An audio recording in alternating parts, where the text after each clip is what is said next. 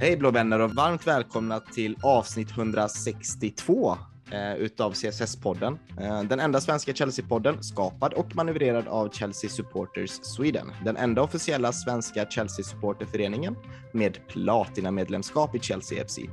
Så gå in och bli medlem vet du och bli en del av den eh, svenska Chelsea-familjen, tycker vi. Eh, har du ännu inte hunnit lämna fem stjärnor på podden och du tycker att vi gör ett bra jobb och förtjänar det så gärna hjälp oss med det. Det hade vi varit väldigt tacksamma över. Mitt namn är Patrik Petko och med mig i panelen idag har jag med mig Linus och Daniel. Eh, hej Linus, vi kan börja med dig. Hur mår du idag? Jo, men det är bra. Det är fredag. Eh, det är ny match imorgon, så att, eh, men det är roligt. Man är glad och eh, äntligen lite ledighet. Ja, och det du sa, det är match imorgon. Det var precis match. Visst är det skönt med många Chelsea-matcher i rad nu? Ja, så det är roligt i podden och mycket att diskutera om. För det är, man kan ju släppa en ny match, för det känns som att det är matcher varje dag nu. Så att eh, man måste gå vidare hela tiden. Så det, det är roligt också att det händer väldigt mycket. Väldigt, så är det ja. Och vi har också med oss Donny. Eh, visst, eh, eller ja, hur mår du idag förresten? Jag mår bra, jag mår bra. Ja. Tack, för, eh, tack för frågan. Hur mår du själv? Jag mår jättebra, tack. Det är skönt att slå Milan och visa liksom, eh, den europeiska fotbollen att vi fortfarande lever. Ja, precis. Och jag menar, eh, tre matcher i rad utan förlust. Eh, kanske är det början på en fin streak här, så att all anledning att må bra. Det känns bra, men du, jag hade en fråga till dig. Visst mm. är någonting som inte känns lika bra kanske, det är väl att de här presskonferenserna har ju blivit ganska bleka. Potter är ingen charmör direkt. Ja, slänger vi oss in i den direkt ja. ja nej, jag har tänkt på det också alltså. Frågan är, eh, Patrik, om det är liksom en uttänkt, uttänkt strategi. Men kontrasten mellan honom och Tuchel är ju monumental. Alltså där Tuchel sa jättemycket intressant och bjöd på sig själv och man fick eh, fantastiska inblickar så säger ju Potter en jäkla massa utan att svara på frågorna. Alltså ja, det... det... är ju bara liksom eh, plattityder och tomma ord. Och eh, ja, det är väl lite för tidigt att avgöra för min del om det är liksom en uttänkt strategi. Han har ju ändå någon social science master och är väldigt högutbildad och det kanske är så att han, att han gör detta med flit, att han svarar på frågorna och slingrar sig för att han inte vill avslöja grejer. Att det helt enkelt som sagt är en uttänkt strategi. Men, eh, men det kan ju också bara vara så att eh, ja, att det kanske det, det känns lite olustigt och, och, ibland lite amatörmässigt nästan. Så att, ja, men visst, och vi har ju varit frälsta då, eller ja, det är vi både i kanske positiva och förbannade med väldigt färgstarka karaktärer i, den, mm. i det presskonferensrummet. Så det blir en jäkla skillnad med, med Potters. Men jag håller med. Jag håller med dig lite där. Eller det är en intressant teori du har i alla fall att det kanske är strategiskt och mycket av mm. ah, Potter och vem han är och vad han har gjort i sin karriär verkar ha varit väldigt uttänkt. Så jag hade inte heller varit förvånad om, om det här var strategiskt val så att säga. Nej, men det kanske det är. Framtiden får väl utvisa det, eh, tänker jag. Och, mm. Men fram tills nu kan man ju konstatera att det är en uh, jäkla skillnad. Och det är någonting som har uppmärksammats i pressen också. Men de allra flesta som har följt Potter säger ju att det är ju så han alltid har varit. Han, uh, han svarar på frågor på det här sättet och han ger inte mycket. Uh, och han svarar liksom med ofta minimalt antal ord. Det blir ju tydligt, inte minst inför Milan-matchen, när han fick frågan två gånger om eh, vem som var första målvakt nu. Men mm. valde att undvika frågan ja. båda gångerna. Men alltså, det gör han ju väldigt tydligt klokt. svar, utan det var bara liksom eh, mummel och, om eh, att det är bra att ha två bra målvakter och, och ja, liksom mycket politiskt korrekt formulerat utan att egentligen svara på frågan. Så att eh, vi får se om det är någonting vi vänjer oss vid. Och jag menar, allt, alltid i sådana här lägen så är det ju att går resultaten med, då har man ju alltid eh, som supporter en förmåga att bortse från ja, det man tycker kanske mindre om eh, hos en tränare. Men eh, ja, än så länge så har han inte varit någon crowd pleaser direkt. Nej, precis, men han gör oss eh, glada på fotbollsplanen än så länge.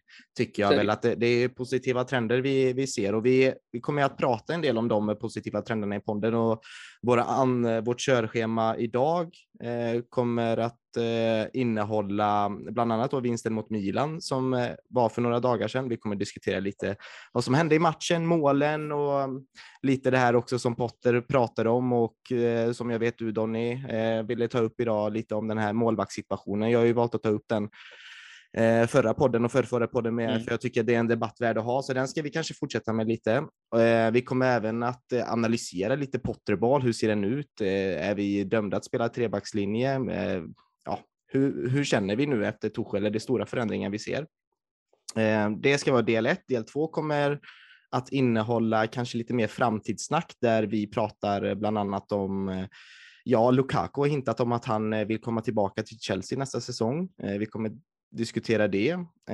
Det kom ju ut idag också nyheter om att Christopher Vivell har blivit sparkad då från Leipzig, eller sparkad, han har valt att lämna uppdraget där. Ehm, den tekniska direktören då helt enkelt för eh, RB Leipzig och eh, ja, enligt Matt Law så ska han vara klar för Chelsea i vilken, eh, vilken timme som helst helt enkelt. Så det ska vi diskutera lite närmare om och höra vem han är. Och sen blickar vi framåt mot Wolves och ett kärt återseende med vår vackra, fina, bästa Diego Costa. Så ja, jag tycker vi hoppar på hästen och kör.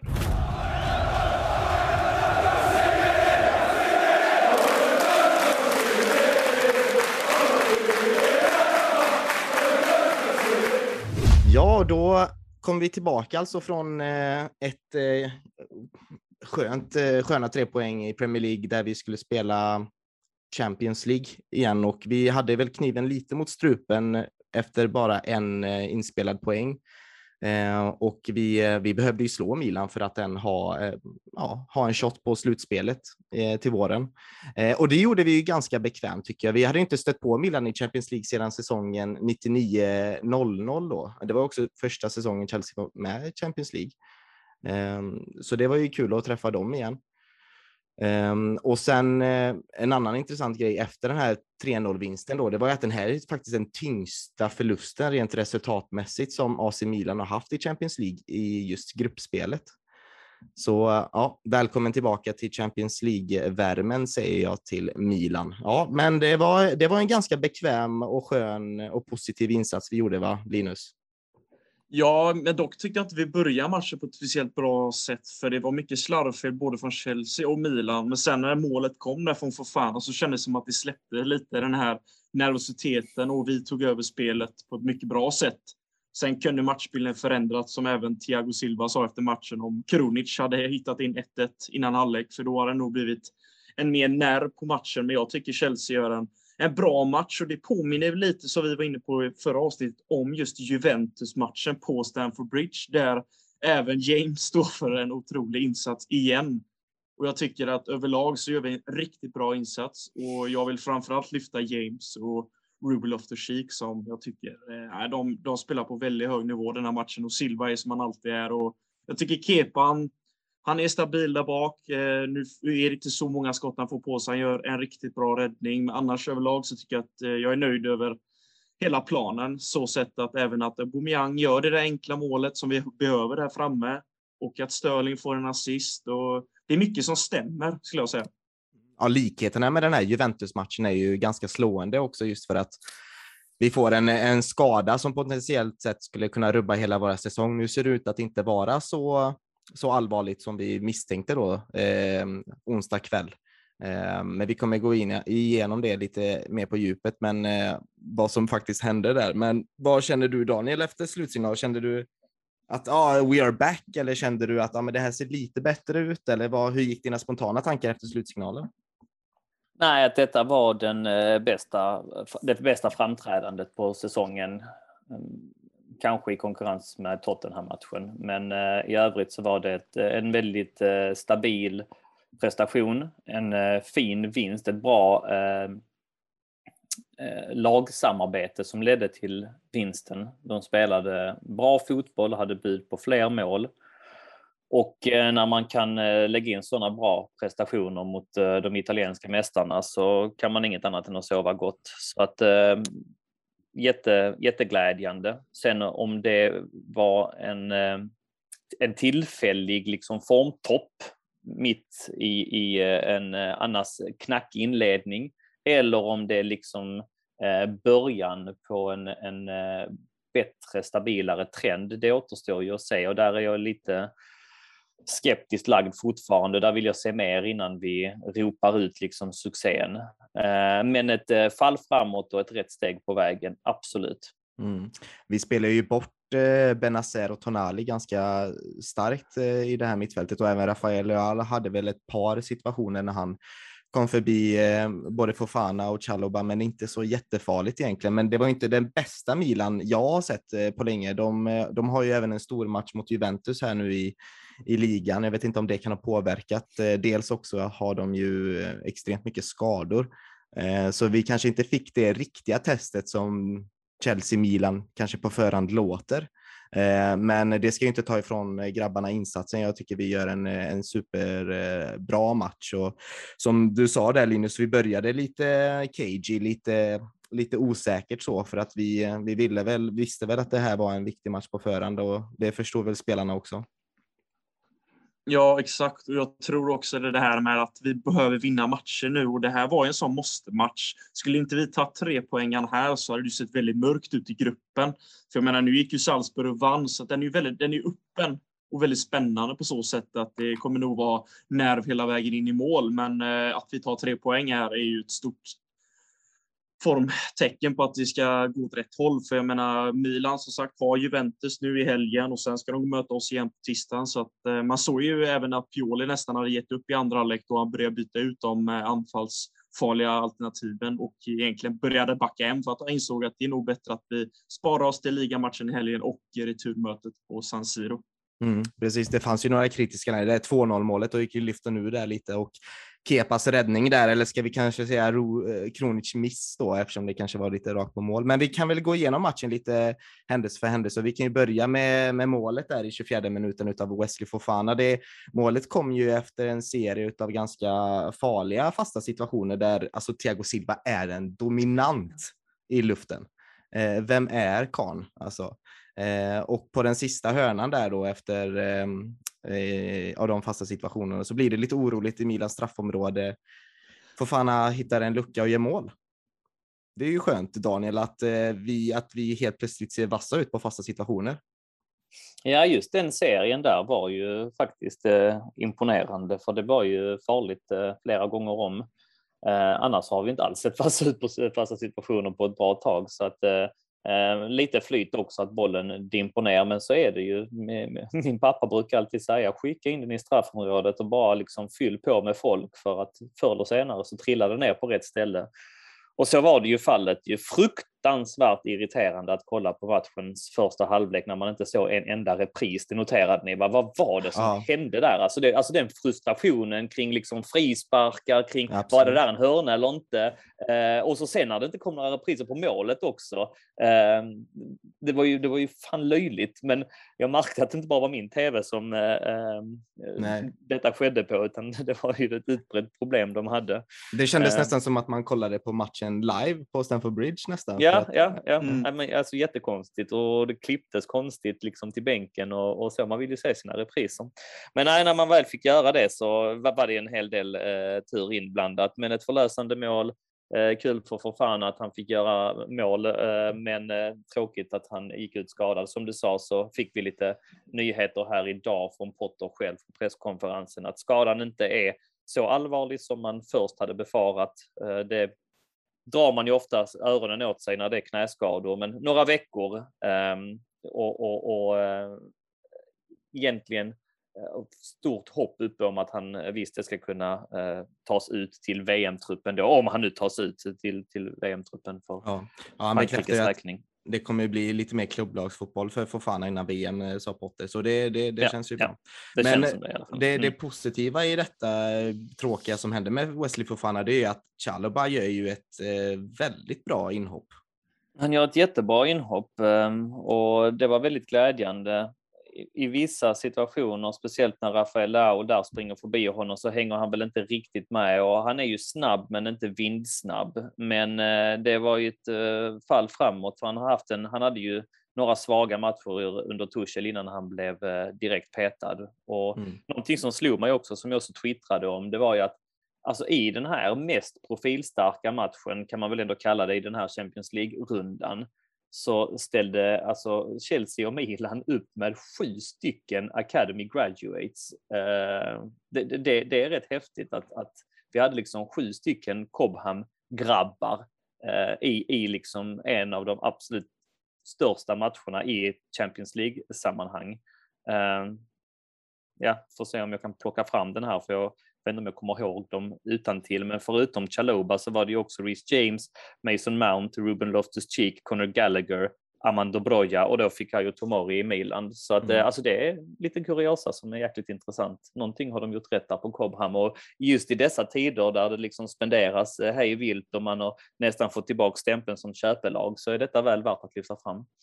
Ja, det finns ju fler. Eh, det vet vi att det är fler än bara i Chelsea och Milan där de gör bra ifrån sig. Vi har ju även Tammy som gör väldigt bra ifrån sig i, i Roma. Och ja, alltså det, vi dominerar ju den Utspelad. europeiska fotbollsmarknaden på, på många olika sätt kan man väl säga. Och det, det ska bli intressant att se vad Bowley tar akademin vidare och vad, vad han vill göra. Det har ju pratats om multiklubbmodellen och, och så, men det är ju oerhört glädjande att se det, eh, måste jag säga. Och man vill nästan se det med. Jag vill se Broja starta. Jag tycker liksom att han förtjänar det nästan. Att, att få starta nu till helgen, det kommer vi prata om kanske i del två där.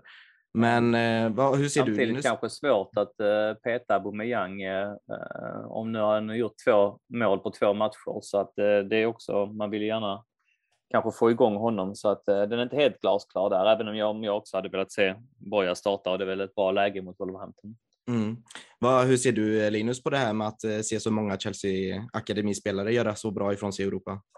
Jo, men det var som ni var inne på där. Det är kul att se alla dessa spelare vara på planen. Liksom, när vi haft den här sommaren när vi har köpt ihjäl marknaden lite grann så är det kul att ändå se så många talanger från vår egen akademi. Så har det inte varit på samma sätt innan, så det är kul att vi fort, fortfarande har den ramen och fortsätter i samma spår. Så det, det känns ju lovande för framtiden också. Och det är även kul att även om alla inte lyckas i Chelsea, att de kommer vidare. Det är bara att kolla på som du sa, Tam Abraham, Muisala i Bayern München liksom, gör det jättebra. Så jag menar, mm. det är ju en akademi som inte bara gynnas av Chelsea givetvis. Det är ju flera klubbar runt om i Europa, bland annat, som gör det riktigt bra och eh, tar vara på våra talanger också, som vi fostrar. En, det... mm. ja, en, du? en akademispelare som kanske inte hade sin bästa match på plan, det var ju Fikayo Tomori. Nu fick han inte så jättemycket hjälp av eh, Kalulu där på 2-0 målet som Auba gör när Rhys James, alltså det är ju ett, eh, det är inget jätte-wow inlägg. Det är ett vanligt inlägg där han bara mm. liksom siktar på Aubameyang och så Fikayo Tomori står ju egentligen på fel ände utav, eh, utav det inlägget, men den kanske mm. ska, det, kan, det kanske han ska rädda. men Auba kan ju få ju den enkelt och duttar in 2-0 det här blir ju också diskussionen som du nosade lite på inledningsvis.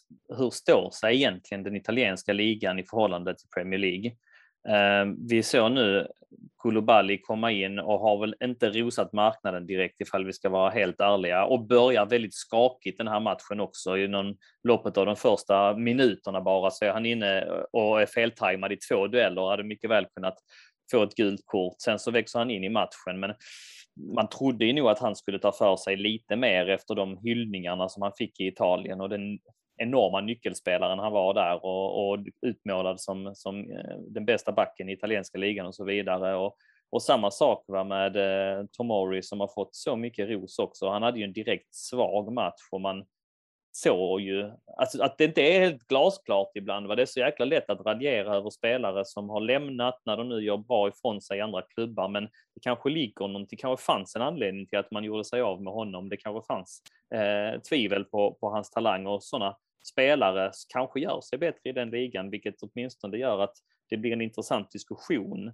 att mm. ställa frågan hur, hur ligan nu som du säger, det är mycket annat som vägs in i den här matchen också. Givetvis många skador på Milan och så vidare.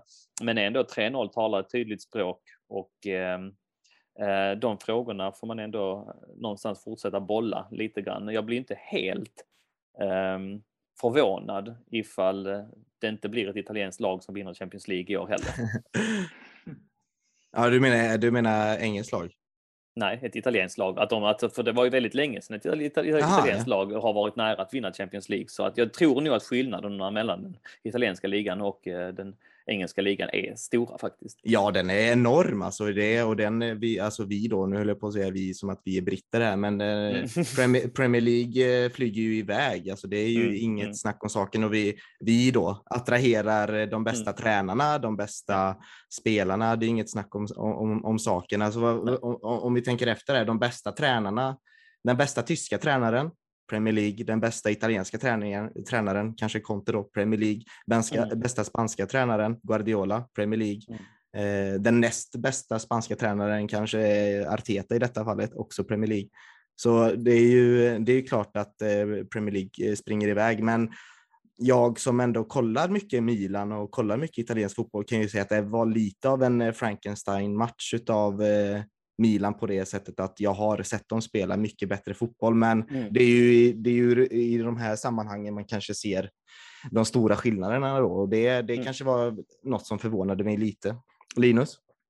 Ja, och jag tänker lite på angående den här diskussionen. Liksom, det är bara att kolla att Pedro som går från Chelsea, 33 år, går till Lazio, ett topplag i Serie A och gör det bra i Serie A. Det, det är en, och, och kollar man på det mötet mellan Roma och Lazio just nu, jag menar, det är många spelare som har varit i Premier League men får gå till eh, Serie A liksom, för att man har blivit för gammal för att nå den här nivån för att kunna starta varje match i Premier League. Då hamnar man ofta bland annat i Italien, för de är oftast öppna för att ta emot de här äldre spelarna och brukar göra det bra. Jag menar, kolla Lucas Leiva, går från Liverpool, går in i Lazio, startspelare direkt.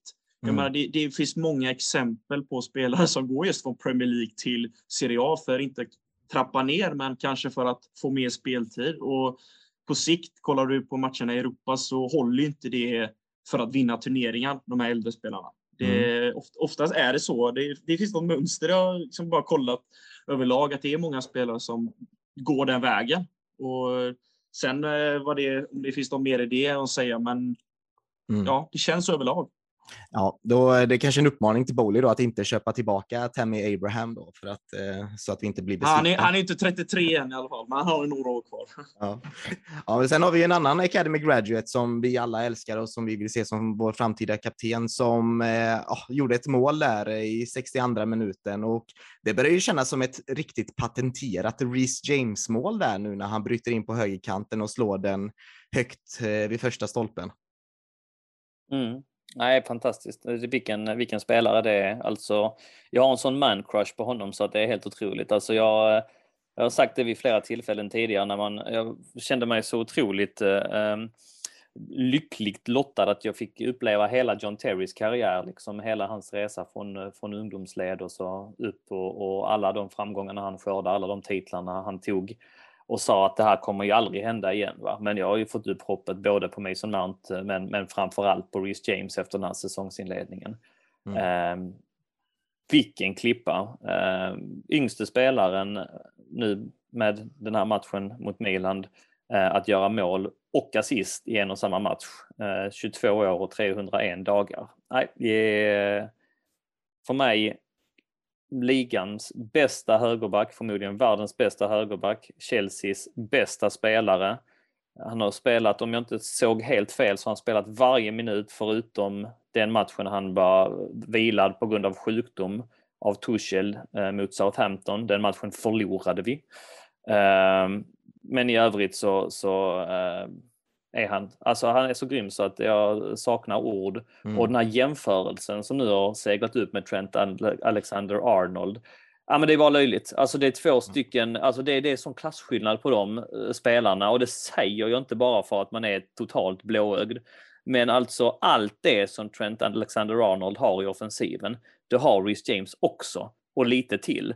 Dessutom så är han grym defensivt. Alltså han ger inte sina motståndare en meter. Jag är så trygg med honom mm. i den försvarslinjen och önskar bara att han kan hålla sig skadefri och liksom jag är inte alls orolig att hans fokus heller är på fel ställe. Och det absolut mest glädjande i detta är att han har skrivit på ett sånt nytt eh, mm. långtidskontrakt så att man vet om att han är liksom en Chelsea-grabb, att han är dedikerad oss. Och äh, äh, det, superlativen bara avlöser varandra. Ja, han gör återigen en man of the match eh, performance eh, på planen. Ja, och han, eh, Alltså någonting jag slår mig av det är ju lite du är inne på att jag känner mig så jäkla trygg med honom på plan och, och han själv liksom bara osar självförtroende. Mm. Och det är som att äh, Wilfred Zaha, han plockar hur enkelt som helst. Och han, du vet, hans kaxiga tweet efteråt, det är ju det bara visar på vart han är rent mentalt också. Det är väl Men någonting. även Rafael Leao som Ja, ja, det jag tänk- liksom, eh, italienska ligans Precis. bästa spelare just Ja. nu, mest upphaussad.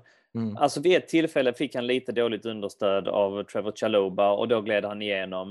Eh, men alltså annars var han var ju helt uppkäkad, han kom ingenstans. Vem var det? Alltså, Nej, nej, precis. Och det, är, ja, det är ju helt... Eh, alltså vi är så bortskämda med honom. va? Och Ja. det, det liksom, gör han en bra match så eh, gör laget en bra match. Han har blivit så tongivande i, i, i sättet vi... Jag kan inte se att England ställer upp med någon annan på Nej. högerbacken heller. Just nu så är Alexander Arnold eh, mil ifrån. Men Kyle Walker är väl skadad också dessutom. Mm. Så att, eh, och det är egentligen, för Kyle Walker är en jävligt bra högerback också. Mm. Men alla andra då har pratat som eh, de har egentligen då gått Tri-. Trippier, Trippier har gjort det ganska bra. Han, det pratas ju en del om att han eh, kanske får en, en eh, plats i truppen i alla fall. Ja, ja, han kommer få en plats i truppen och Van Bissaka är väl en hygglig högerback också. Men de är ju fortfarande inte på samma nivå alltså. Men Nej. Man har ju en del högerbackar i England. Men jag menar, den som enda, den enda han kan konkurrera med som är logiskt just nu, det är ju Kyle Walker och han är skadad. Så att eh, vi lär nog få se honom i VM i, i, i vinter också. Mm. Vad sjukt det låter att säga i VM i vinter för övrigt. Jag tog de orden här i min mun precis och kändes att det alls inte smakade bra. Nej, men VM vi, i sommar ska man ju säga. absolut. Ja, vi får vänta fyra år fel Det till. lät alltså. Ja. Ja. Men ja, vi får se. Det är inte kul att vara eh, Gareth Southgate, eller så kanske det är det roligaste som finns när man har dem, eh, den truppen att eh, befoga över. Men ja, vi vinner matchen 3-0 och eh, ja, som ni var inne på båda två där, spelarna ser ut att må bättre. Eh, lite så. Det, Potter var inne på det efter på eh, intervjun efteråt att ah, vi är back to basics. Det är lite det vi har fokuserat på den här tiden jag har varit här och det, det märker man ju att det är eh, att, att det är det det handlar om, att försöka spela enkel fotboll. Men jag ser ju även några några taktiska eh, förändringar och det är ju någonting jag har lärt mig väldigt snabbt nu med att kolla Chelseas eh, Potter, var, eller förlåt, Potters Chelsea vecka ut och vecka in är ju att han är ju väldigt matchbaserad i sin uttagning och hur han vill spela sin fotboll. Och jag, jag skrev till mina Chelsea-vänner igår eh, efter matchen att varför spelar vi bra endast när vi spelar trebackslinje? Jag är lite trött på det, va? för att man förlorar en man förlorar ju en offensiv spelare i detta. Nu är ju Reece James och Chilwell magiska i matchen. Chilwell ska ju också lyftas upp där som också gör en stark insats eh, tycker jag och verkligen eh, ger frisk eh, konkurrens till Marco Correa. Men eh, vad tycker ni om hela den här eh, Potters, ja, alltså sättet hur vi spelar, ser ni någonting annorlunda jämfört med Tuchel och ja, eh, är vi dömda att spela trebackslinjen för evigt liksom för att spela bra fotboll? Linus? Ja, alltså en sak som Potter egentligen har genomsyrat hela hans karriär är ju att han vill ju spela offensiv fotboll och nu är det nog lite mer som du var inne på, lite back to basic till en början. Men målet är nog att vi ska framåt i banan mycket mer. Och eh, det gäller nog att få med sig resultaten nu i början för att kunna få in det spelet lite mer för varje match som går. Men eh, om vi kollar på lite skillnad tycker jag, alltså framförallt tycker jag det det är så svårt att säga på så kort tid eftersom att han laborerat i så olika formationer under de här matcherna. Det har ju eh, varierats lite och det har varit väldigt svårt eh, för både oss och även för eh, andra journalister att sätta liksom hur, hur var formationen på planen egentligen? För den har ju förändrats under matchen också.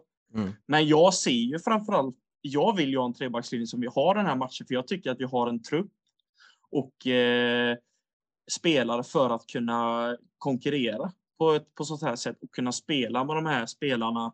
Att ha tre back och två wingback som jobbar upp. Jag tycker de klarar av det på ett bra sätt. Det är bara att det inte riktigt fungerat i vissa matcher, men det handlar nog också om att självförtroendet har funnits där och den här oron som har funnits vid sidan av planen. Klart det speglar, speglar av sig på planen också.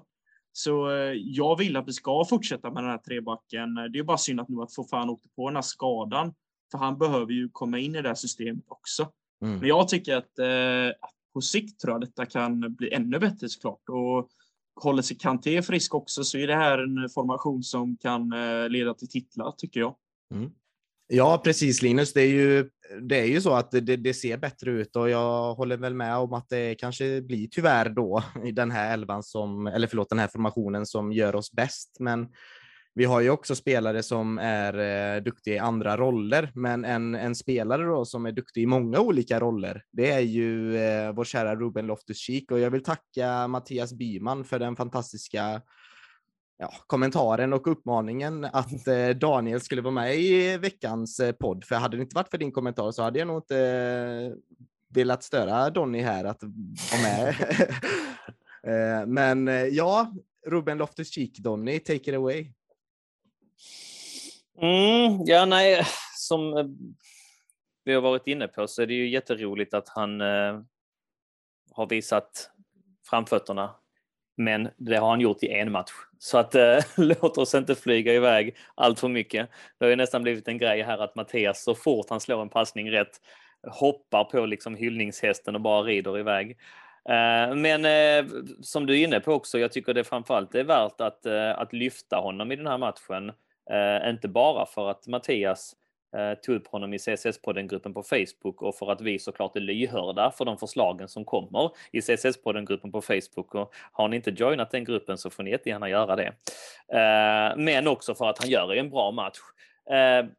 Sen så gjorde han en så bra match. Jag försökte scanna läget lite grann. Jag själv tyckte inte han var topp tre direkt. Jag, jag, vi har ju hyllat Rhys James och så Rhys James fick eh,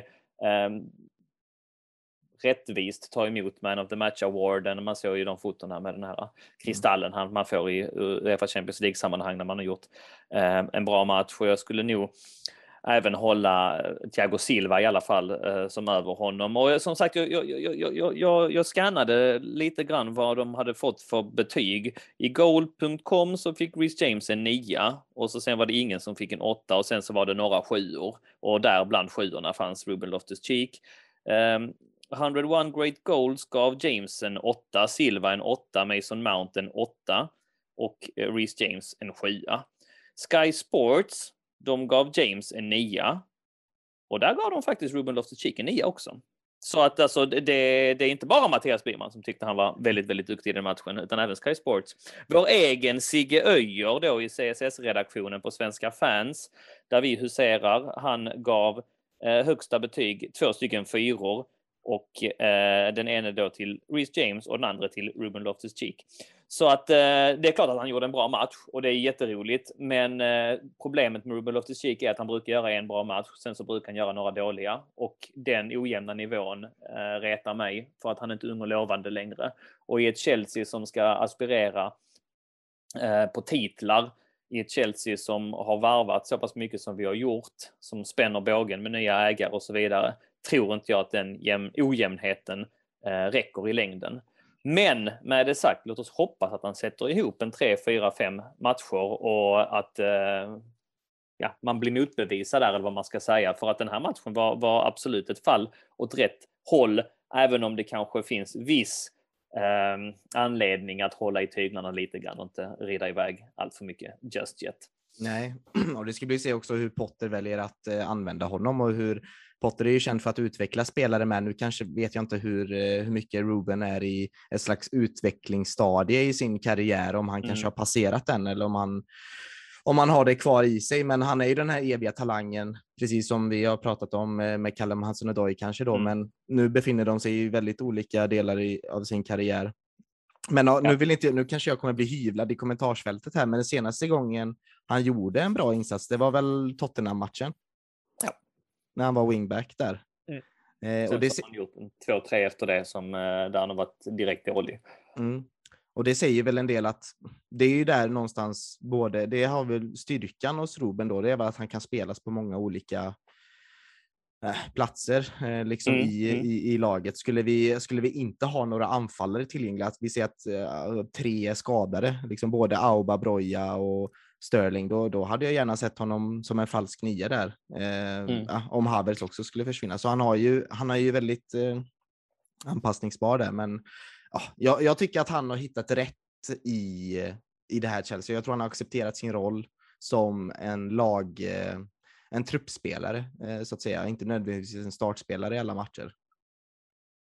Nej, och jag tror också att han känner lite själv att han har ganska mycket att bevisa fortfarande. Jag menar, det är ingen spelare som Daniel var inne på, det är ingen spelare som gör tio matcher i rad eh, höga prestationer. Det är en spelare som max gör en, två matcher och sen går man ner i en dipp igen.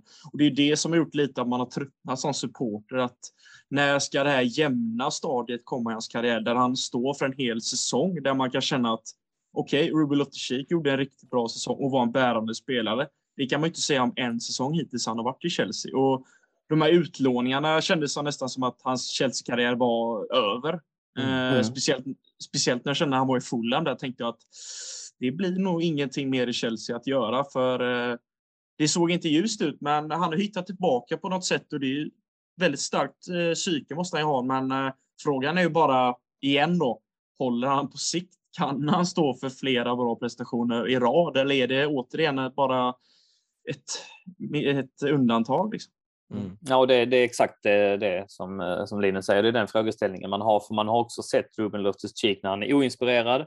Man har sett honom eh, när han eh, springer runt, då framförallt i Fulham med huvudet under armen och han blir mer eller mindre utslängd från den bottenklubben och pratar med en Fulham-supporter om den säsongen han gjorde där så har de inga goda ord att säga om honom.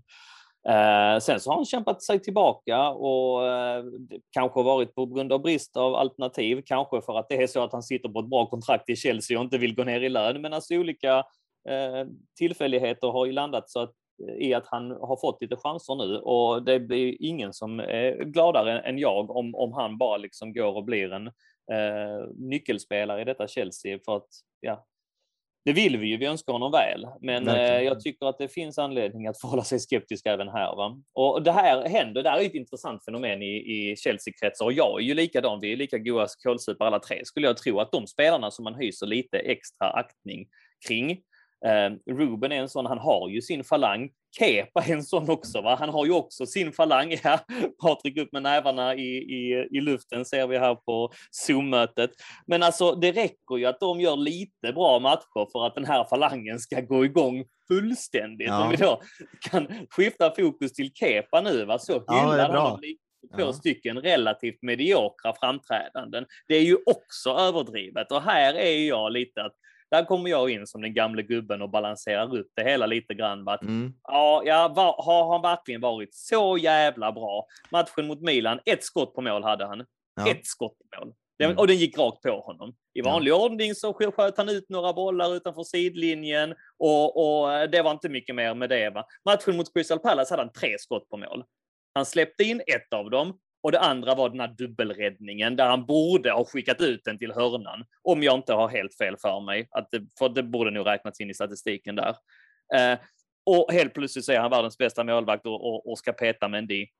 Sans allihopa. Ja, det, ja det är, så, så mycket väljer jag väl kanske inte att ta i. Jag, jag gillar att ta den, den sidan dock, men eh, det är, ingen, det är inte heller en tydlig sida, för eh, jag hör ju inte dig Donny säga att Mondi är den han var en gång i tiden. Absolut utan... inte. Nej, nej, nej. Och det, men det är ju samma här. Va? Det är klart att vi hoppas att Kepa är den målvakten som jag då kanske fortfarande inte riktigt tror att han är. Och jag ser ju också att det är bättre att han gör de här framträdandena än att han kastar in bollar som han, han har gjort tidigare. Mm. Och han ser stabilare ut. Det ser ut som han har lagt på sig muskler. Och mm. framförallt det du sa Patrik, Mandi kommer ju från en väldigt svag vår och även en ganska svag in, höstinledning här också. Va? Så att mm. det är helt rätt att ge Kepa chansen. Mm. Eh, men, men innan vi liksom gudabenådar eh, förklarar honom och, och, och, förklarar alla vi som fortfarande kanske är lite skeptiska som idioter. Titta här, vi fick rätt efter två matcher. Så är det läge att sätta sig lite i båten och, och ha en liten, lite nyktra glasögon på hela den här situationen också. Tycker du, Linus, tycker du att prislappen på Kepa fortfarande gör han, ger han orättvisa? Nej, men den, den kommer jag alltid hänga med om. Det spelar ingen roll hur bra han blir eh, och alla misstag som har skett och liksom det, jag, jag kommer ju aldrig glömma ligacupfinalen där Sarri ska byta ut honom. Alltså det, det, blir ju en sån sak som alltid kommer hänga med. Och nu har det blivit så. Jag har fått upp mycket på Twitter där att eh, han var ute liksom och visade Reece James och Kovacic på planen. Han bara sa det. Han kommer bli en tränare. Jag, jag skulle inte tvivla på det heller. Men en sak jag noterat är de här jävla utsparkarna. Han vill inte spela en kort boll. Han vill inte rulla igång den på ett enkelt sätt. Ofta vill han slå den här fina bollen upp i banan. Och han, som Donny var inne på, han slår ut 3-4 varje match. Ja. Säger han, vill... han, han är så mycket bättre med fötterna än Mondi. Och ja, det är han ju, men oh. det är ungefär som att uh, säga att Astrid Lindgren är bättre i boxningsringen än Selma Lagerlöf. Alltså, mm. det, det, är liksom... Båda två är rätt dåliga på fötterna oh. faktiskt, ifall ärligheten ska, ska fram. Och eventuellt att Kepa är marginellt bättre, men jäklar vad han sprider bollar också. Så är det, men jag, jag, jag, upplever också att backarna kanske känner sig tryggare med att passa hem bollen till Kepa än till Mondi. Jo, det gör ju faktiskt jag också. Ja. Så det, det kanske ligger något i det. Men det, här, det kommer bli en rolig debatt att följa, en rolig utveckling att följa, för eftersom Potter, Potter har inte vågat ta ställning i den här frågan som du var inne på Donny i presskonferensen, att han har inte, ja. så som Tuchel var väldigt tydlig med att vi har en nummer ett, vilket är Domendy, mm.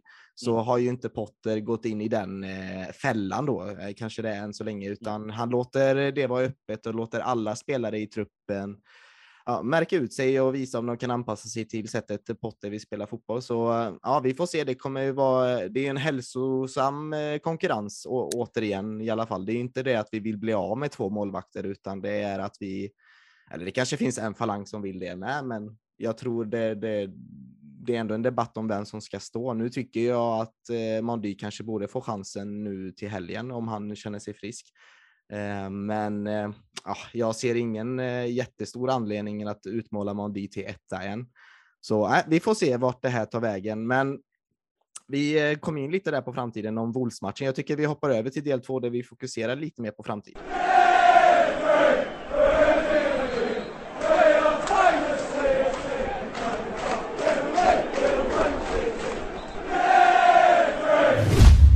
Precis. Då ska vi fokusera på lite framtid här. Vi, vi hoppar fram i kanske lite avlägsen framtid, eh, någonting som kanske inte är riktigt skrivet i sten som matchen mot eh, Wolves är på, på lördag, utan vi hoppar in till nästa säsong redan eh, där Lukaku hintar nå om att eh, ja, komma tillbaka till Chelsea.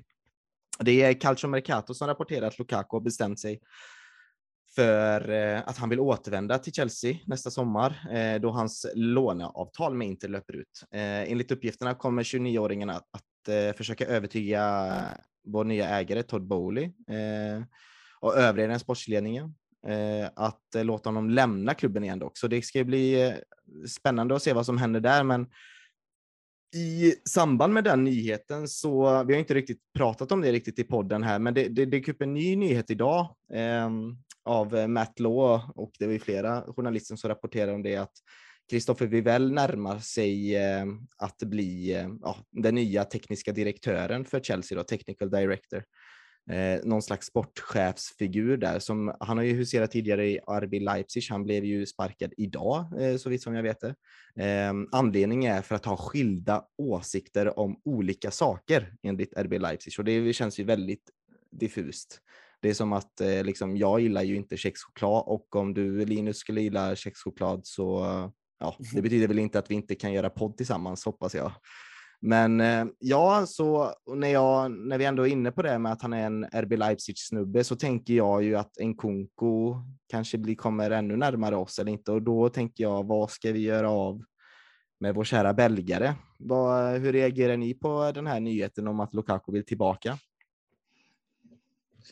Ja, jag tror ju som sagt som du läste upp där att det kan ju bli att han kommer tillbaka men att han lämnar. Jag tror inte att Bowley vill liksom testa igen med Lukaku för han har ju bränt tillräckligt mycket broar tycker jag för att det ska på något sätt rädda upp detta nu. Och jag tror mm. han känner det själv att Ja, det på ett sätt, om man vänder på det så hade det kanske varit väldigt eh, spännande också att Lukaku vill, om han är hungrig för det, men senast när han var hos oss, då var det en omotiverad kille som egentligen bara ville härifrån och efter den intervjun så förstördes mycket för mig och för andra supportrar om hans respekt i klubben och glöden till att nå lycka i Chelsea-tröjan. Donny, vad, jag har inte hört din åsikt om Lukaku. Vad, vad tycker du om det, hela den här soppan? Eh, jag tycker att han är en bra fotbollsspelare och jag tror att eh, han med eh, rätt tränare hade kunnat göra det bra i Premier League. Men det som Linus säger, jag ser inte att han är välkommen tillbaka. Jag tycker att han förstörde för sig själv. Han hade all chans att liksom kunna kämpa sig till en plats och även om det var lite tufft med kanske omställningen och, och och måltorka och han kanske inte kom helt överens med Tuchel och drog väl på sig covid och sådär. Alltså ska man inte böla ut i en sån intervju och framförallt inte agera som man gjorde hela kroppsspråket alltihopa där på våren förra säsongen. Eh, ja, det, det rimmade extremt illa och eh, när han sen kom tillbaks till Inter så har han ju liksom gått ut i intervjuer och sagt att han gjorde allt för att kunna komma tillbaka och sånt gillar man inte att höra som, som supporter. Alltså Nej. Jag trodde någonstans att han var högutbildad, har han skrytit om och flerspråkig och så vidare. Men jag tycker att det här beteendet eh, tyder på att han är korkad dessutom. Så att eh, nej, det är ingen spelare som jag vill ha tillbaka. Sen så finns det ju mycket andra krafter i detta att omfamna, det vet vi om. Det är hans lön, det är hans kontraktslängd, eh, det är inte bara hans vilja. Vi har en ny tränare, kommer han kunna passa in det spelsystemet och så vidare. Så att det sista ordet är inte sagt där. Och dessutom är det här väldigt vaga uppgifter. Jag har inte sett dem någonstans i engelsk press faktiskt, men jag såg dem på Fotbollskanalen också som då hänvisar till italienska med, äh, medier då om det var Calcio Marcato vad det var. Ja, precis. Um, som ska vara en eh, det är väl inte mycket som, alltså, som, som egentligen uh, säger att det behöver stämma. Nej, jag tror nog att han trivs jäkligt bra i Italien och, ja, nu... och vill fortsätta där nu får han inte spela så mycket på grund av skada också, så det, Nej, det, det är mm. svårt att veta vart han, han befinner sig också, både mentalt och på uh, fotbollsplan. Ja. Men ja, när vi ändå pratar framtid så är det, jag nämnde ju det här med Kristoffer Vivell då, att varför jag nämnde det i det här segmentet, det var ju egentligen att skulle han nu komma till Chelsea och jobba som teknisk direktör, då känns det väl kanske som att Nkunku kommer hänga på där. Där, har det ju, där finns det lite tydligare rykten dock om att det har skett en medical och det var vi inne på i förra podden. Eh, mm. Eh, och ja, var, vi nämnde ju en Nkunku där ett tag, men jag tycker det blev lite, jag började forska lite om Christopher Vivell och redan som 30-åring, alltså för fem år sedan, så var han head of scouting på Red Bull eh, i Red Bull Salzburg då, så han har ju varit med i den här Red Bull koncernen ett tag, där han både har jobbat för Salzburg och nu sedermera Leipzig då. Och han har ju haft ganska stora poster där och Ja, mer än så vet jag tyvärr inte.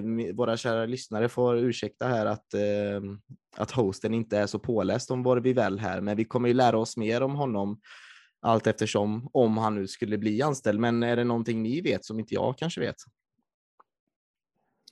Nej, inte direkt så mer än att man har ju läst namnet eh, gällande då just när det varit Leipzig och Salzburg, men inte mer än mer än så. Sen tycker jag det är skönt om vi hade fått löst en person som verkligen tar hand om de ärendena. För det känns som att Bowley har tagit på sig väldigt mycket och det var skönt om vi kan avlägsna lite sysslor från honom också och kunna mer fokusera på mm. ägandet av klubben tycker jag. Så det varit skönt att vi får in ett namn som gynnar klubben på sikt och som vill fortsätta med samma ungdomsutveckling. För det vi, det vi vill ju fortfarande se att är så många spelare för vår akademi på en fotbollsplan när vi spelar Champions League-fotboll. Så jag mm. menar, i de, på det spåret ska vi fortsätta och det hoppas jag att vi gör med nästkommande anställd eh, sport sport, vad säger man, sportdirector eller vad blir det? Ja, mm. Det är så olika och diffusa titlar på de här olika rollerna så att eh, man blir lite förvirrad. Mm. En ny gren av Sky helt enkelt. Ja. Eh, eh är detta, Frågan men... är ju också i, i, alltså vad det här med contrasting views betyder. Har han lämnat sin roll för att han är färdig för Chelsea. Det här är ju rätt så färska nyheter. Vi spelar in här på fredag eftermiddag kväll och de här nyheterna kom bara för några timmar sedan. Liksom. Eh, så att är han klar för Chelsea redan? Eller är det så att han har contrasting views med ledningen mm. för att det är ju en anledning som fick Tuchel att gå. Så att eh, det finns väl anledning att tro att han kanske har contrasting views med det amerikanska styret i Chelsea då också. Va? Och eh, han, eh, han är väl inte, jag känner inte till honom alls eh, tidigare ska jag säga. Och jag hade ju hoppats på, eh, det har ju varit mycket prat om Liverpools den här Michael Edwards. Men det ser ju inte ut att, att bli någonting där mm. heller. Och den här eh, Christoph Freud sket ju i det också. Så att man är, man är nog på jakt. Men är det så att man tar honom för att han har blivit sparkad på grund av contrasting views? Eller är det så att han verkligen är rätt man och han kanske har valt att lämna just för att han har fått ett erbjudande från Chelsea. Ja, det återstår väl att se och ingenting är ju bekräftat än. Mm, jag, jag tycker den här eh, Alltså det är något viktigt för Chelsea att lösa det, för jag känner mig inte jättetrygg eh, som supporter att ha Todd Bowley som någon slags envälshärskare som ska styra klubben och bestämma allting. Eh, so far, så vi får hoppas att det blir en, eh, en sign eh, så fort som och sen får vi se vad vi väl kan åstadkomma. Men skulle han komma, skulle det betyda då att Nkunku och kanske till och med Guardiol eh, blir närmare Chelsea?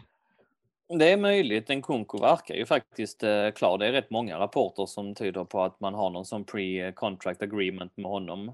Mm. Um, Guardiol eh, har det ju ryktats om, men där är det väl inte lika nära. Men en Kunko har det pratats om en, en hel del i, i mer skarpa termer så att säga. Mm. Skulle vara intressant att höra vad Werner har sagt till eh, Kristoffer Vivell i så fall. Om han eh, rekommenderar det eller inte. Men eh, ja, jag tycker vi hoppar över istället till någon närmare framtid och kollar på Wolverhampton-matchen som ska spelas lördag 16.00 klassisk tid. Ehm, ja, Wolves har ju precis blivit av med Bruno Lage. Det, efter en väldigt svag säsongsinledning och sitter på 18 plats i ligan med en vinst, tre kryss och fyra förluster. Eh, säsongens enda vinst tog man mot eh, Southampton. Ja, det ryktas om att Lopetegui som precis fick sparken av Sevilla efter förlusten mot eh, Dortmund och en mycket svag säsongsinledning i, i, eh, i La Liga kanske ska ta över. Så vad har ni för eh, Ja, om ni sätter luppen på Wolves, hur ska vi känna? Det här är bara åka och ta tre poäng nu när de blöder och när de är lite skärrade efter allting. Eller ska vi kanske, ja, ska vi kanske passa oss nu eftersom att de får ny energi? Ja, alltså det, det är så svårt att säga. Alltså jag menar, på pappret så har ju Wolves ett riktigt bra lag tycker jag. Och det, det är många intressanta spelare. Speciellt offensivt tycker jag att de har riktigt många alternativ. Nu fick ju dessvärre Neto gå ut senast. Eh, mm. Men jag menar, Adama Traoré kom tillbaka. Jag menar, Guedes är anfallare. De har Costa. Mm. Och sen har de liksom Podens. De har ju många alternativ. Jag menar, Moutinho är en stabil eh, innermitt. Visst, inte hans, han är inte sin bästa slag i karriären, men jag menar Ruben Neves är kvar.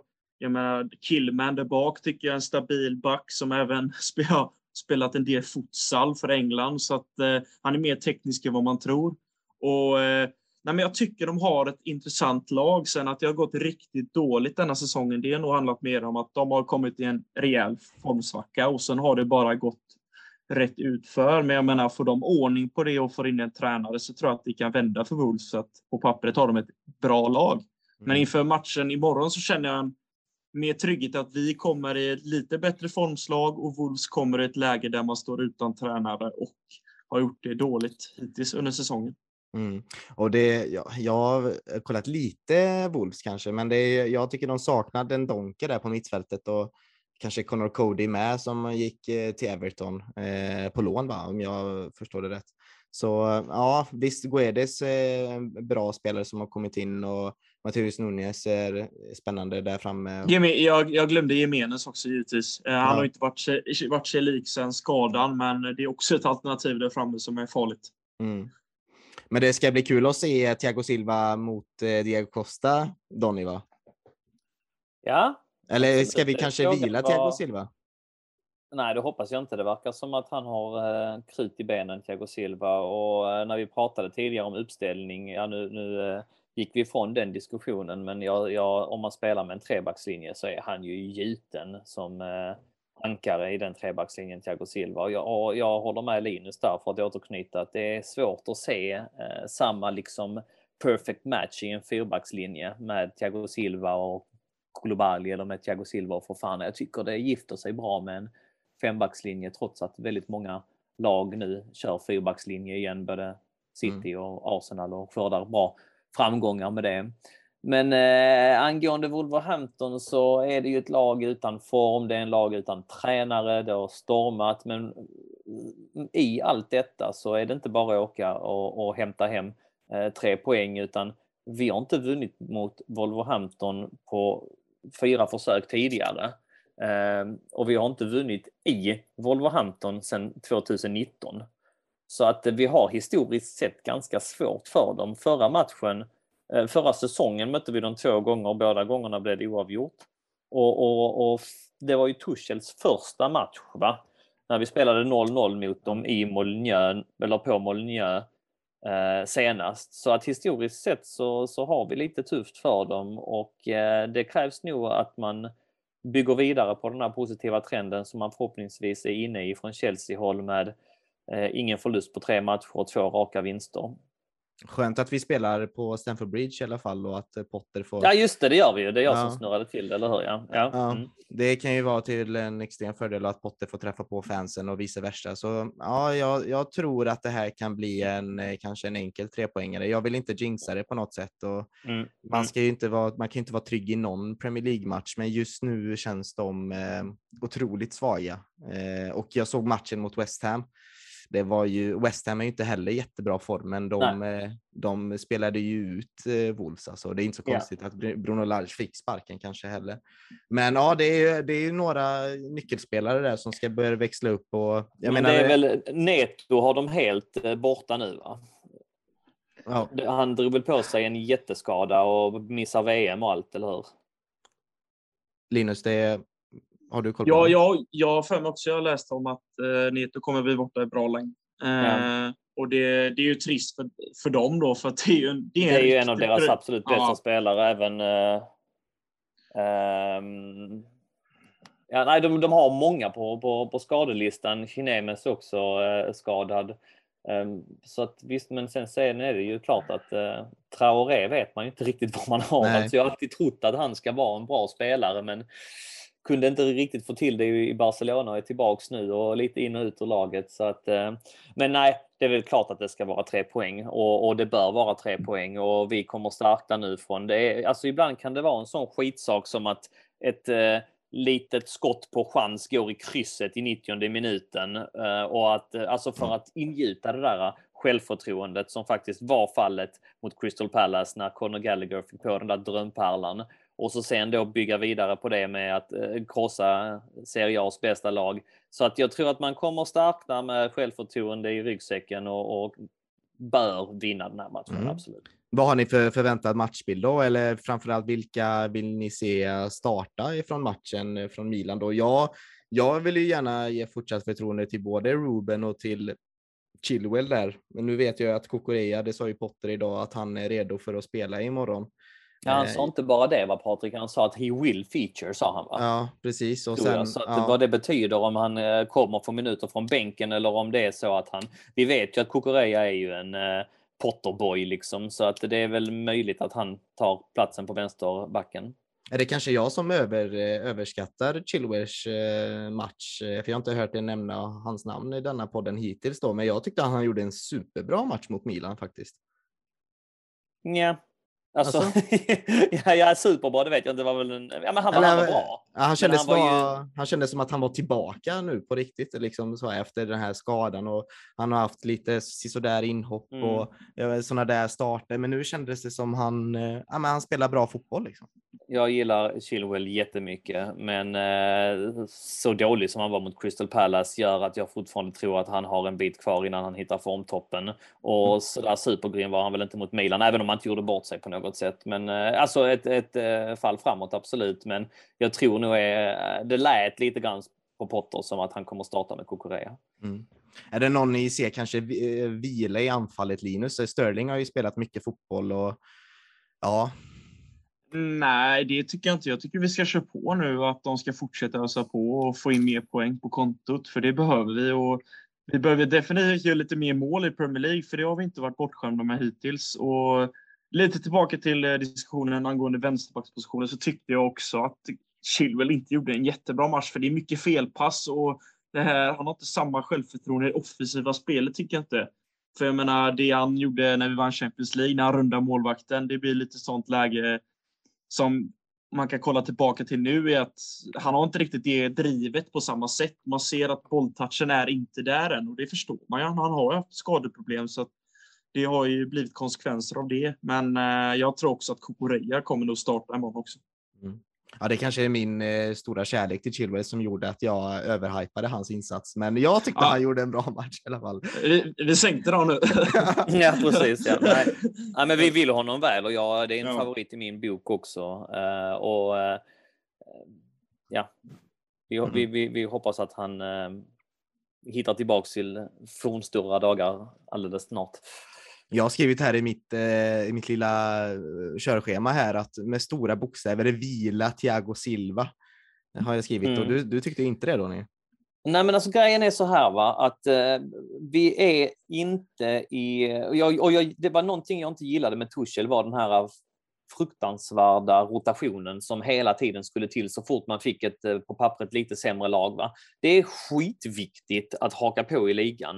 Och eh, Thiago Silva har varit vår bästa, alltså ja, tillsammans med Rhys James har han varit vår, vår bästa spelare i Mm. år. Så att, eh, och jag tror inte riktigt att han är sådär, Tuchel pratade rätt mycket om det, och även Frank Lampard pratade om det, att vi måste managera honom och han kan inte spela varje match. Och jag tror, jag vet inte, det, jag, det, min känsla är att han nog visst det kan det. Han har liksom fysik som en 19-åring och så länge han inte gnäller så, och, och är skadefri så tycker jag att han ska spela. Och eh, det är eh, ett viktigt läge nu eh, där vi har ett tufft spelschema och det kommer ändå vara så att många spelare kommer få speltid. Men just här och nu, där vi ligger liksom på en femte plats, eh, åtta poäng bakom Arsenal, så finns det ingen, eh, inget utrymme för att liksom jag, jag- ser ingen annan som kan spela i det ankaret. Det skulle vara Wesley Fofana och han är skadad. Och Mm. vem, vem annars ska man spela där? Eh, och jag tycker som tidigare argumenterat för att en trebackslinje alternativt då fembackslinje är rätt metod framåt. Alltså. Jag, jag har inte sett att den här fyrbackslinjen har funkat för Chelseas del. Med det sagt, det är möjligt det blir en fyrbackslinje och att Potter resonerar så. Vad vi vet om, som Linus sa tidigare också, att han kan ju byta eh, uppställning mitt i en match också. Det är lite Eh, hans grej att han, att han gör detta. Va? Byter fram och tillbaka och, och så vidare. Men eh, ja, eh, intressant att följa. Jag hoppas att Thiago Silva startar. Ja, ja, det är bra take. Jag vill gärna se han vila. Det är kanske, jag kanske överdriver hans ålder där lite med, men det är ju när man tänker efter, det är inte mycket skador han sitter på liksom och det är inte så att han har en jättestark skadehistorik de senaste åren heller, så vitt jag, om jag bara on the top of my head kan jag inte komma på det heller och han eh, han känns fräsch och snabb och hans positionsspel gör att han inte behöver använda sin, sin icke-snabbhet så mycket utan han står ju rätt i positionen mycket. Men jag blir ändå lite sådär eh, Linus, jag blir ändå lite, ah, fan, jag vill ändå vila honom, jag vill ha honom fräsch hela säsongen. Ja, alltså man blir alltid lika orolig när man ser att Silva ligger ner på mattan. För det gör han ganska många, under, eh, många gånger under match då han fått en smäll. Så tänker man nej, nej, nej, nej, du får inte bli skadad nu. Mm. För att man är så förälskad i honom och hans sätt att spela och föra spelet. För han är ju otroligt viktig där bak. Man känner ju att här kommer inte ske några misstag eh, när Silva har bollen. Och det, det tycker jag också är en grej att man känner på plan att det är många spelare som förlitar sig på Silvas kvaliteter. Att man kanske lite, inte slarvar i försvarsspelet, men man vet att Silva är där och täcker upp om det skulle vara någonting. Och en sån trygg punkt, det är lite Terry, liksom Terry varning liksom. Där, då visste man att det, Terry är på plats och det är lite med Silva också. Det är en ledarfigur som eh, bär binden med stolthet när inte Jorginho kommer in och snor den av honom. Mm. Eh, så tycker jag att eh, nej, han är otroligt viktig och det är ett läge vi behöver mer trepoängare. Och då känns det ju lite fel att bänka honom eller vila honom helt. Och då är jag lite mer inne på det här sättet kontra hade Chelsea, att man spelar, har kontinuitet på elvan och ska man in i elvan då ska man fan visa att du ska, du ska spela. Liksom. För eh, det vi var inne på med Torshäll är att det var väldigt mycket byten och man testade, spelade lite här och där och det gör ju också att spelarna inte är lika bekväma. För jag menar, har man samma elva match efter match så kommer de lära känna sig lära känna varandra mycket bättre än vad de gjort tidigare. För Chelsea har inte haft sån kontinuitet de senaste åren själva. Mm. Ja, vi får se vilka förändringar Potter gör till helgen, om kanske Jorginho får chans att starta eh, eller om det blir Ruben som får fortsatt förtroende där på mittfältet. Eh, vi får ju se också. Eh, Conte är inte heller spelklar. Det kommer kanske ta några omgångar till innan vi får se honom spela fotboll. Potter var ju väldigt tydlig med idag på presskonferensen att han kommer inte spela Conte förrän han känner att han eh, är 100 procent och kommer kunna spela en längre period. Så det ska bli spännande att se och eh, det känns ju eh, väldigt eh, att man längtar nu till avspark för vi är i ett bra momentum. Men det är ju fredag Donny och då brukar ju du komma med lite quizöverraskningar. Ja, vi har gjort det tidigare gånger när jag och Oskar har suttit och spelat in och av olika anledningar har vi inte riktigt fått till det den här hösten än. Men förhoppningsvis kan vi göra det, att vi spelar in ett lite senare fredagsavsnitt, eh, dricker lite öl och eh, ehm, ja, svarar på lite lyssnarfrågor och sånt. Men jag har eh, gjort ett litet eh, På spåret-segment om ni har lust att runda av eh, denna eh, fredagsavsnitt. Det är ju inte, vi sitter ju inte, det är ett mer standardavsnitt idag så är det, det bara råkar vara på en fredag. Mm. Eh, och, och som vi gick igenom i uppsnacket så är det lite för tidigt för att dricka öl. Men eh, ett På spåret-segment finns här om ni lovar mig att eh, hålla ögonen på skärmen och inte googla och så eh, kan vi, kan vi tävla eh, ni två emellan. Vad säger ni om det? Härligt. Absolut. Ja, och givetvis ni lyssnare där också. Och eh, då får vi väl också säga att är det så att ni kan det eh, så får ni jättegärna skriva i CSS-podden-tråden när ni tog det. Men skriv gärna inte vem det är, vet ni. För att då går folk in och läser på den tråden där och eh, eh, kanske avslöjas eh, innan man har lyssnat på, på programmet. Inga spoilers. Och det så. finns, vi har lyssnare där ute som har efterfrågat det och tycker det är väldigt roligt. Så att jag tycker det är ett bra sätt att runda av detta avsnittet. Nu blir jag lite eh, nervös här faktiskt. Ja, jag förstår det. Ja. Ja, så kan det vara vänner. Det har varit eh, genom tiden har det varit liksom lite starka namn, lite mindre profilstarka namn. Eh, Det har varit eh, spelare från olika generationer och så vidare. Så att eh, det, eh, jag går inte ut med hur, liksom, vilken typ av upplägg jag har skapat idag. Men det får bli för er att lista ut och det är rätt mycket prestige i potten. Det är ni med på va? Alltid. Ja. Det börjar alltså på 10, man får en ledtråd på 8, man får en ledtråd på 6, man får en ledtråd på 4 och man får en ledtråd på 2. Och är det så att ni kan det så säger ni jag drar och så eh, skriver ni på en lapp. Eh, eller nej, det kan ni inte göra. Ni får faktiskt ni är två stycken nu, så ni får ju faktiskt smsa mig då eller skriva till mig på Messenger och då inte i vår gruppchatt såklart utan privat. ja, det var jag så. Ja, ja. Yes. Men eh, Och är det, är det, eh, som sagt, det är ju en Chelsea-profil av något eh, slag som jag är ute efter. Förstår Mm. ni reglerna? Jajamän. Japp. Det är liksom kopplat från då alltså SVTs program På spåret om ni inte förstod det. Mm. Eh, inga frågor då? Nej. Vi kör. All right. Då kommer vi eh, på 10 poäng. Var eller mot vem är vi på väg?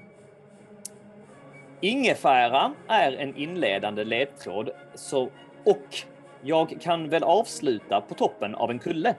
Jag har beskrivits som ett kap då jag kom från en, för en struntsumma. Och totalt blev det åtta säsonger i Kungsblott. Jag är spelaren som av två italienska tränare fick väldigt udda behandling. Älskad av en, utfryst av den andra. Jag är så nära Ja. nu va? Jag är så Oh, nära. oh, ja, ja, ja. Vad ska man dra? Jag väntar på åtta alltså. Eh, jag, jag drar. All right, snyggt. På tian alltså. Det är modigt. Ja, Jag vet om, då får ju inte du dra. Patrik. Nej, det är jag är med på. Nej. Ja. Jag inväntar. Mm, jag har eh, mottagit din, eh, ditt eh, namn. Eh, Linus. Och vi går vidare. På åtta poäng. Jag är en blandning mellan BBC Lineker och australiensiske Tim. I Chelsea har jag något gemensamt med Della Bonna, Sean Wright Phillips och Reece James. Äsch, vi kör en liknelse till. Vad har jag gemensamt med en stad i Indiana? Och med Harry Potter-karaktären Sirius Black?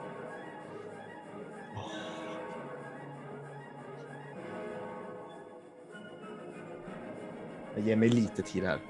Det var mycket du sa där på en gång.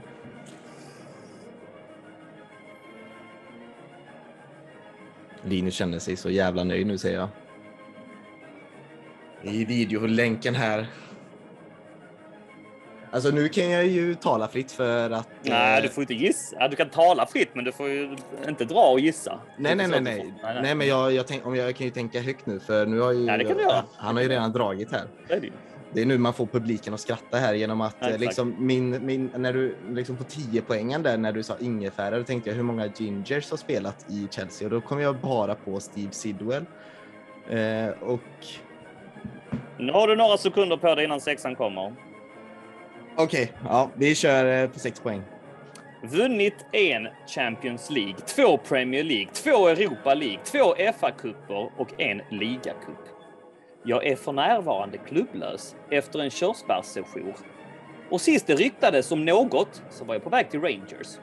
Och här kommer en ledtråd till. Kemiska beteckningen på kalcium adderat med berg.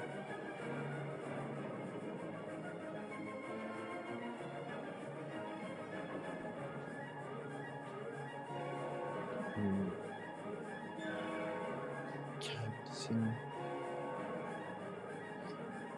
Cherries. Är väl Southampton va?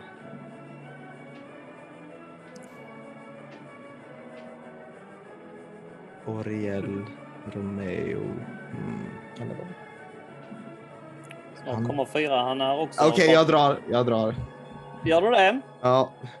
All right. Mm, jag har mottagit ditt svar. Och då har vi på fyra poäng. Jag är före detta Chelsea-kapten och jag agerade även vicekapten i det engelska landslaget bakom. Rooney.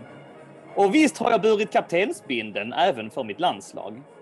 Även om jag knäckte käken och missade vad som skulle bli mitt första mästerskap, nämligen EM 12, så var jag en viktig del i landslaget efter det, där jag deltog i både VM 14, EM 16 och VM 18. Och nu tar båda sig för huvudet kan jag säga. Framförallt Patrik, för att det har nog sjunkit ner för Linus för ett tag sedan. Ja, ja, det- är bort rakt. sig också. Det var därför jag satte lugnt. Ja, ja, ja. Men eh, vet ni vem det är nu då? Vi tar tvåan också. Värvades till Chelsea 2012 för blott 7 miljoner pund från Bolton. Ja, Dominerade i. Champions Ja, ja. 2012, samma år. Och med en fantastisk blå karriär att blicka tillbaka på. Alltid pålitlig och en modern Chelsea-legend enligt många. Men alltså, eh, jag ser, inte, jag ser inte att du tycker att Gary Cahill är ginger. Har jag missuppfattat inget? Nej, nej, det är klart du har missuppfattat den ledtråden. Vi kan gå igenom dem alltså. Men eh, där nämnde du ju det. Det var ju Gary Cahill vi sökte och varken Cesc Fabregas eller Oriol Romeo som vi fick från eh, Linus respektive Patrik. Men så kan det gå. Ingefära är en inledande ledtråd. Jag går igenom dem nu, uppifrån och ner. Vi får se där borta, där hemma, eh, ifall det var andra som var lite mer med huvudet på skaft. eh, Denna. Eller om det var svårt, det vet jag inte. Det vet man aldrig förrän vi får lite lyssnarkommentarer också. Så in och bomba eh, på CSS-podden-gruppen. Men som sagt, uppifrån och ner. Ingefära, då tänkte jag på Gary. Det kallar man ju sushi-ingefära, eller hur? Och han heter ju Mhm. Gary Cahill. Mm. Ja, men du jobbar i restaurangbranschen Donny. Ja. Och vi kan väl avsluta på toppen av en kulle. Det inleder med Gary och det slutar med Hill, eller hur? Ja, Cahill. Ja. Ja. Och jag har beskrivit som ett kap för att jag kom från en struntsumma. Det blev åtta säsonger, det är ingenting att utveckla. Eh, Spelare som var älskade av två italienare. Alltså han petade ju Terry under Conte, Så men sen blev han fullständigt utfryst av Sarri och gjorde knappt några matcher alls i sin sista säsong. Nej, precis. Älskad av den ena, utfryst av den andra. Alltså ni ska se de här grabbarna nu. i- Alltså Linus tar sig på pannan. Nej, men det är Ja, ju... Det är ju ja, ja, men, ja, det är pinsamt. Jag är åtta år. Jag fastnade bara på utfrys för jag tänkte att Fabregas där under Sarri var inte så lyckat där när han Ja. ja. avskedet. Så tänkte, då fastnade jag bara endast på det. Det var ju dumt. Ja. ja. Och körsbärssäsong, var då tänkte jag ju Ja, men den Southampton. kommer lite senare. Vet du. Ja. Den är på sexan. Ja. Mm. Ja. Jag är en blandning mellan BBC Lineker och australiensiske Tim. Det är ju att han Ja, heter Gary Cahill. Och Ja, Tim Cahill. Ja, ja. ja. Mm. I Chelsea har jag någonting gemensamt med Delabonna, Sean Wright Phillips och Reece James och det är tröjnumret. 24 hade alla dem. Ash, vi kör en liknelse till. Vad har jag gemensamt med en stad i Indiana? Jo, den heter Gary. Och Harry Potter-karaktären Sirius Black, det är ju Gary Oldman som spelar honom. Så ja, lite... Du är vass. Okej, jag får, jag får Ja. tänka mer på spåret här. Yes. det är ju På spåret, va? lite Ja. liknelser och sådär. Ja. Åtta poäng, det är ändå svårt. Ja. Vunnit en Champions League två, där radar vi upp titlarna. Mm. Jag är för närvarande klubblös efter en körsbärssejour. Han var ju i, Linus, Bournemouth. I Bournemouth, precis. Ja, det är de som kallas cherries. Det är inte samma. Ja. Ja. Och det är Saints. Saints är ju Ja, Saints, ja, Ja, ja. Sist det ryktades som något så var jag på väg till Rangers, men eh, det- det blev nog ingenting riktigt där. Här kommer en till ledtråd. Kemisk beteckning på kalcium adderat med berg. Det, det är ju kalcium är Ca och sen är det alltså hill igen då. Kulle. Förlåt, nu är jag jobbig här. ja. Ja. Men nåväl. Mm. Ja. Kan du ta Gött. kulle två gånger vet du. Ja. Ja, så är det. Klurigt. Nästa Jag är före fråga. detta Chelsea-kapten, eh, även vicekapten var han då bakom Rooney, det stämmer. Och, och, eh, han, och där förstod ni att ni hade dragit, eller ja, Linus hade nu förstått det tidigare, men du... Ja, det, Ja. Och han eh, gjorde en del eh, mästerskap. Eh, käken där han bröt och missade sitt första EM där EM 12, den, den minns man. Det var väldigt synd om honom där. Var på en träning innan. Nåväl, varvades till Chelsea 2012. Ja, modern eh, Chelsea-legend enligt många. Mm. Måste säga snyggt Daniel. Snygga ledtrådar måste jag säga. Jävligt bra. verkligen, verkligen. Som sagt, lite intressant om vi kan få en diskussion i tråden där också. Eh, ni får, det, det vet ni om att vi uppskattar jättemycket om ni går in och, och diskuterar eh, högt och lågt om avsnittet, men kanske allt eh, just lite grann om detta segment också. Det är intressant att höra när ni drog och ja, vad Ja. och sådär. Men verkligen, jag känner ju bara att jag vill ha revansch nu. Ja, jag förstår det. Ja, det ja. jo, vi får spela in ett eh, flera fredagsavsnitt ihop. Ja.